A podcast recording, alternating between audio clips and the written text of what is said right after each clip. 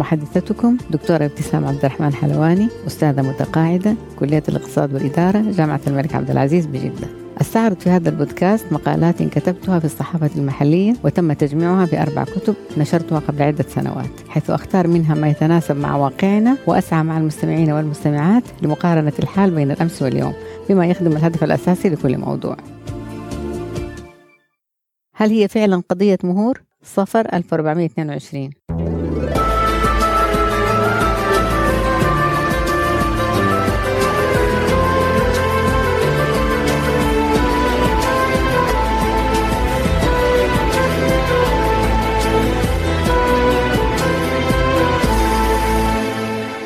موضوع اليوم عنوانه هل هي فعلا قضية مهور؟ سبب كتابتي للمقال إنه سئلت عن رأيي في مشكلة غلاء المهور، كانوا بيجمعوا المعلومات في لجلسة في مجلس الشورى، فكان فيها مجموعة من السيدات والمشكلة الأساسية هي مشكلة غلاء المهور اللي اعتبروها هي السبب في انتشار العنوسة في المملكة، فسألوني عن رأيي في المشكلة هذه. أما الهدف اللي خلاني أكتب المقال فهو اني أنا أشرح إنه المشكلات الثانية اللي مهمة أكثر من مهم من مشكلة العنوسة والمهور عشان يتوجهوا لدراستها بدل من التركيز على أمور أنا أعتقد هي صحيح لها يعني وزنها لكن ما هي الأساسية أو أو من الأولويات لأنه في حاجات أهم بالنسبة للمرأة ترتبط بها وتحتاج لدراستها. إيش اللي كتبته في المقال هذا؟ كنت بقول فيها إنه يعني هذه مشكلة المهور دي مشكلة ترتبط بمناطق معينة هي اللي فيها معاناة من المهور وزيادة العبء على العريس.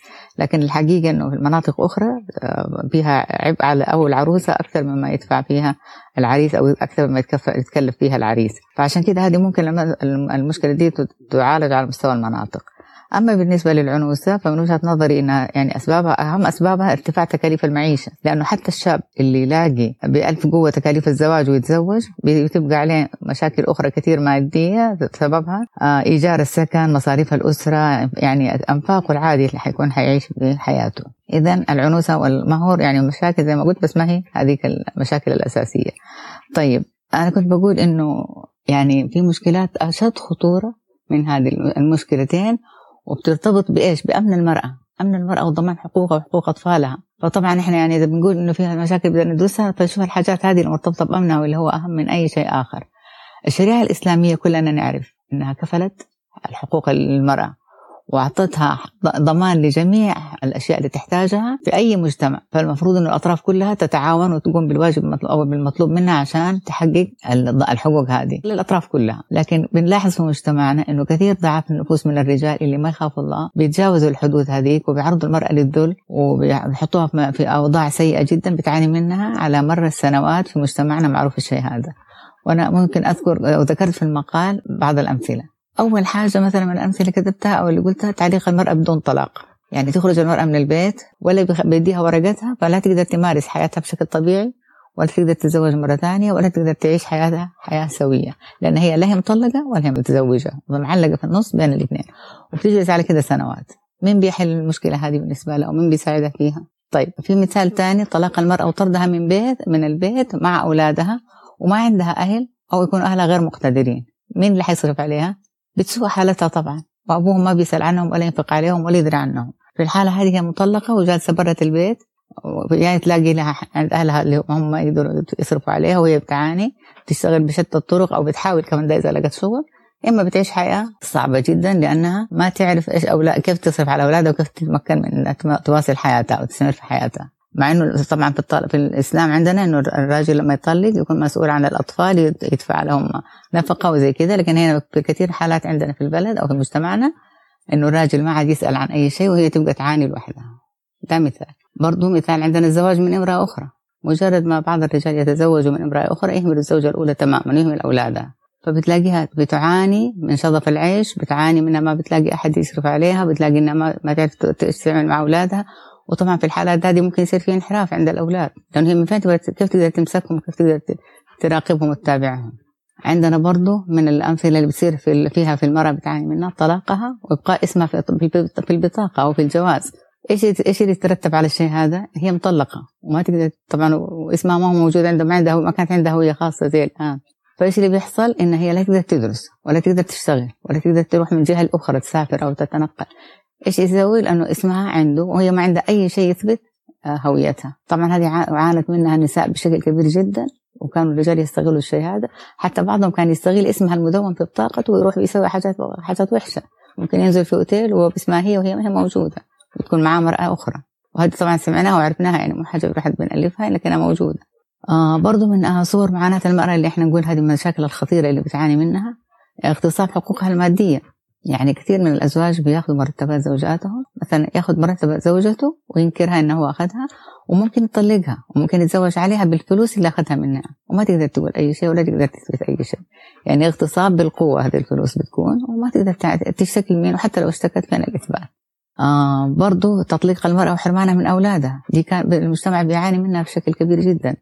ممكن الراجل ياخذ الأولاد يطلعهم من المدينة كلها إما يطلع يقفل كل الطرق اللي بتوصلهم لها وبتوصلها لهم ولا تقدر تشوفهم بالسنوات ولا تقدر تملك يعني ولا عندها وسيلة توقف في وجهه عشان تحصل على حقها في رؤيتهم مع إنه الشرع أمر بالشيء هذا.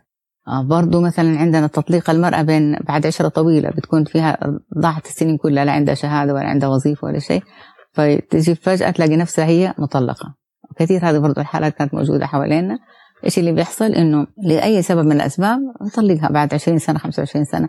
طبعا بتكون إنه خلاص ما عاد عندها يعني حاجة تقدر تستفيد منها لا دراسة تقدر تدرس ولا آه، وظيفة تقدر تلاقي فبتعاني وتجلس آه، باي شكل من اشكال المعاناة. حتى بيكون أولادها كبار بتكون هي برضه بتعاني لوحدها. واحيانا بعضهم ما عندهم ما عندهم أطفال فبتبقى مسكينة لوحدها ما في أحد بيعاني بيعاونها أو يقوم معها طيب من المشاكل الخطيرة اللي بنعاني منها أو بتعاني منها المرأة في السعودية برضو عندنا معاناتهم في المحاكم. لما ترفع قضية على الزوج أو الطليق وطبعا هم يتهربوا من حضور الجلسات فايش اللي بيحصل خلاص تتعب وتبطل تطالب بحقها. فطبعا هم ده الشيء اللي هم يحتاجوه وهي شوف اللي بيترتب على عدم حصولها على حقوقها بأي شكل من الحقوق أو أي نوع من الحقوق تعاني وتفضل تعاني طول الوقت. طيب عندنا برضو كانت في في حاجة موجودة في في في النظام وبرضه بتستبعد بتستعبد المرأة وبرضه ما هي في صالحها اللي هي آه لازم ولي الأمر يوافق على حاجات ترتبط بها هي. طب المرأة يعني إنسانة أهلية تامة ليش الراجل هو يوافق على الشيء الخاص بها هي؟ مثلا العمليات النسائية. يعني أنا عندي عندي حالات مثلا كنت كتبت عنها بقول إنه في حالة في زوج كان رافض إزالة رحم الزوجة. ليش؟ لأنه يعني هي عندها نزيف وعندها أولاد ما هي محتاجة الرحم. والمستشفى الدكتور يقول لها لازم تزيل الرحم هو هو مو موافق. فمو قادر تعملها لأن لازم هو يوقع. آه، زوج آخر كان من أول الحمل مراته وحملت كان بيقول لها لازم ما تولد ولادة طبيعية. وصار يروح بين المستشفيات يدور على الدكتور يوافق على كده من الأول يوقع له إنه فعلا ما حيولدها ولادة طبيعية. طيب واحدة ثالثة برضو كانت آه، اضطرت المستشفى تدير الرحم لوحدها كانت حالتها خطيرة جدا. ووافق وافق والدها. ومع ذلك الزوج قاعد يطالب تعويض قانونيا. يقول لك ليش هذه زوجتي أنا؟ ما المفروض أحد يوافق غيري أنا. طيب هل هذه الزوجة هي مجرد حيوان ولا جماد ولا إيش هي بالضبط؟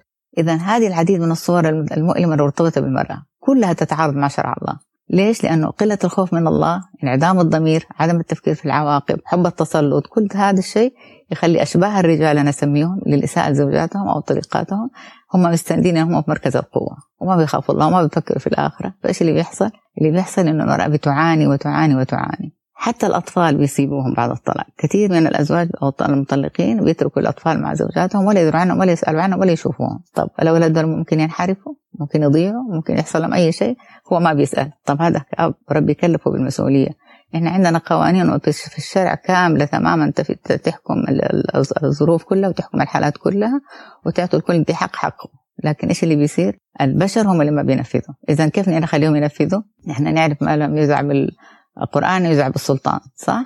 إذا في الحالة دي كنت بقول لازم إنه اللي يحصل هنا إنه تطلع قوانين تحكم على الرجل بأنه هو يدفع ويسوي يعني لكن الرجل عندنا مطمئن لأنه غالبا يعني المرأة الضعيفة من فين حتقدر توصل للقاضي. طبعا ما حتقدر توصل وبالتالي حتى لو وصلت له إيش حتقول له؟ مثلا يقولوا لها روحي أوقف قدام باب ولما تشوفي خارج جيبي لنا هو. إذا الرجال ما قدروا ياخذوا حقوقهم من الرجال الآخرين بالوسيلة هذه المرأة تقدر تجيب الراجل بالقوة للمحكمة؟ إذا معنى كذا هذه هي الدروس الأمور اللي يجب أن مجلس الشورى يدرسها. طبعا هذا غير التعصب القبلي في في في, في الزواج لما ما يزوجوا البنت لواحد إلا لازم ولد عمها أو من قبيلتها. هذا طبعا آه، من المشاكل برضه بتعاني منها المرأة. آه، مثلا الآباء أحيانا يشترطوا على الزوج انه هم يحصلوا على مرتبات بالكامل مرتب الزوجة. ويكون يا الزوج طماع يا الأب طماع يا الاثنين طماعين وهي تقع ضحيه طمعهم الاثنين يا مثلا كنا برضه نعرف في بعض المناطق في المملكة ما يعطوا المرأة لما يموت أبوها مثلا يجوا أخوانها ما يعطوها فلوسها نصيبها من الإرث. ليش؟ يقولوا عشان زوجها الأجنبي حياخذ الفلوس هذه. طب هذا حقها. بنلاقي كثير حالات في مناطق معينة لا تعطى حقوقها المرأة. ليش؟ وهي وأخوانها ياخذوا كل فلوسها يعني أقصد يستمتعوا بفلوسهم وهي فلوسها يا مجمدة يا مستخدمة. المهم إنه هي ما تعطى لها عشان زوجها أجنبي. أجنبي ما هو أجنبي هذا حقها المفروض تأخذها وتستمتع بفلوسها. هذا برضه من المشكلات اللي تؤرق المرأة. إذا هذه كلها المشكلات اللي بتعاني منها المرأة في مجتمعنا أهم وأقوى وأكبر من أي حاجة أخرى آه، بندرسها يعني ما هو أيوة صحيح مشكلة العنوسة مشكلة لكن إحنا نحتاج إلى دراسة وضع المرأة والبحث عن حلول لها. الوقت الحالي الحمد لله أنا كتبت المقال هذا من من يعني مدة طويلة من سنوات كان ما في كانت في هويه للمرأة خاصة بها. الآن في هويه خاصة بها وطبعا هذا حيريحها كثير في يعني حل جزء من المشكلة إنه هي لها هويتها الخاصة اللي تقدر تتصرف بها. هذا الاختلاف الوضع الأول عن الآن لكن الصراحة إنه برضه ما زالت مشاكل الطلاق قائمة وانتشر الطلاق كثير في المملكة عندنا وما زالت مشاكل المعاناة المرأة موجودة لأنه برضه ما بتلاقي سند طيب إيش أهم التوصيات اللي أنا بقولها الآن للموضوع هذا؟ لأنه لازم النساء يشتركوا في اللقاءات حقت الشهور اللي بتدرس فيها مواضيع المرأة أو يمكن كمان تسند لهم لكن ممكن مع الرجال ما في مشكلة. وإنهم لازم يعملوا دراسات كافية على المحالات القائمة عشان من غير دراسات من غير تلمس للواقع ما حد يقدر يفتي إلا لازم يشوف الموضوع إيش هو. وبعدين لازم الحصول على معلومات من المحاكم ومن المحامين لأنه المحامين الحقيقة عندهم معلومات جدا كثيرة. أنا لما عملت بحث عن الطلاق ودراسة لقيت إنه كثير من المعلومات عند المحامين لأن هم كانوا بعض النساء بيروحوا للمحامين فعندهم حكايات كثير جدا. هم برضه ممكن يحطوا يساعدوا في الحلول في وضع الحلول. إذا يعني جلسات في الشورى وجلسات في خارج الشورى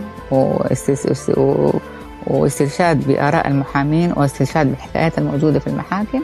وبعد كذا تتم الدراسة من خلال النساء مع رجال وتوصلوا إلى توصيات مرتبطة بوضعها فعلا عشان تحسن وضعها.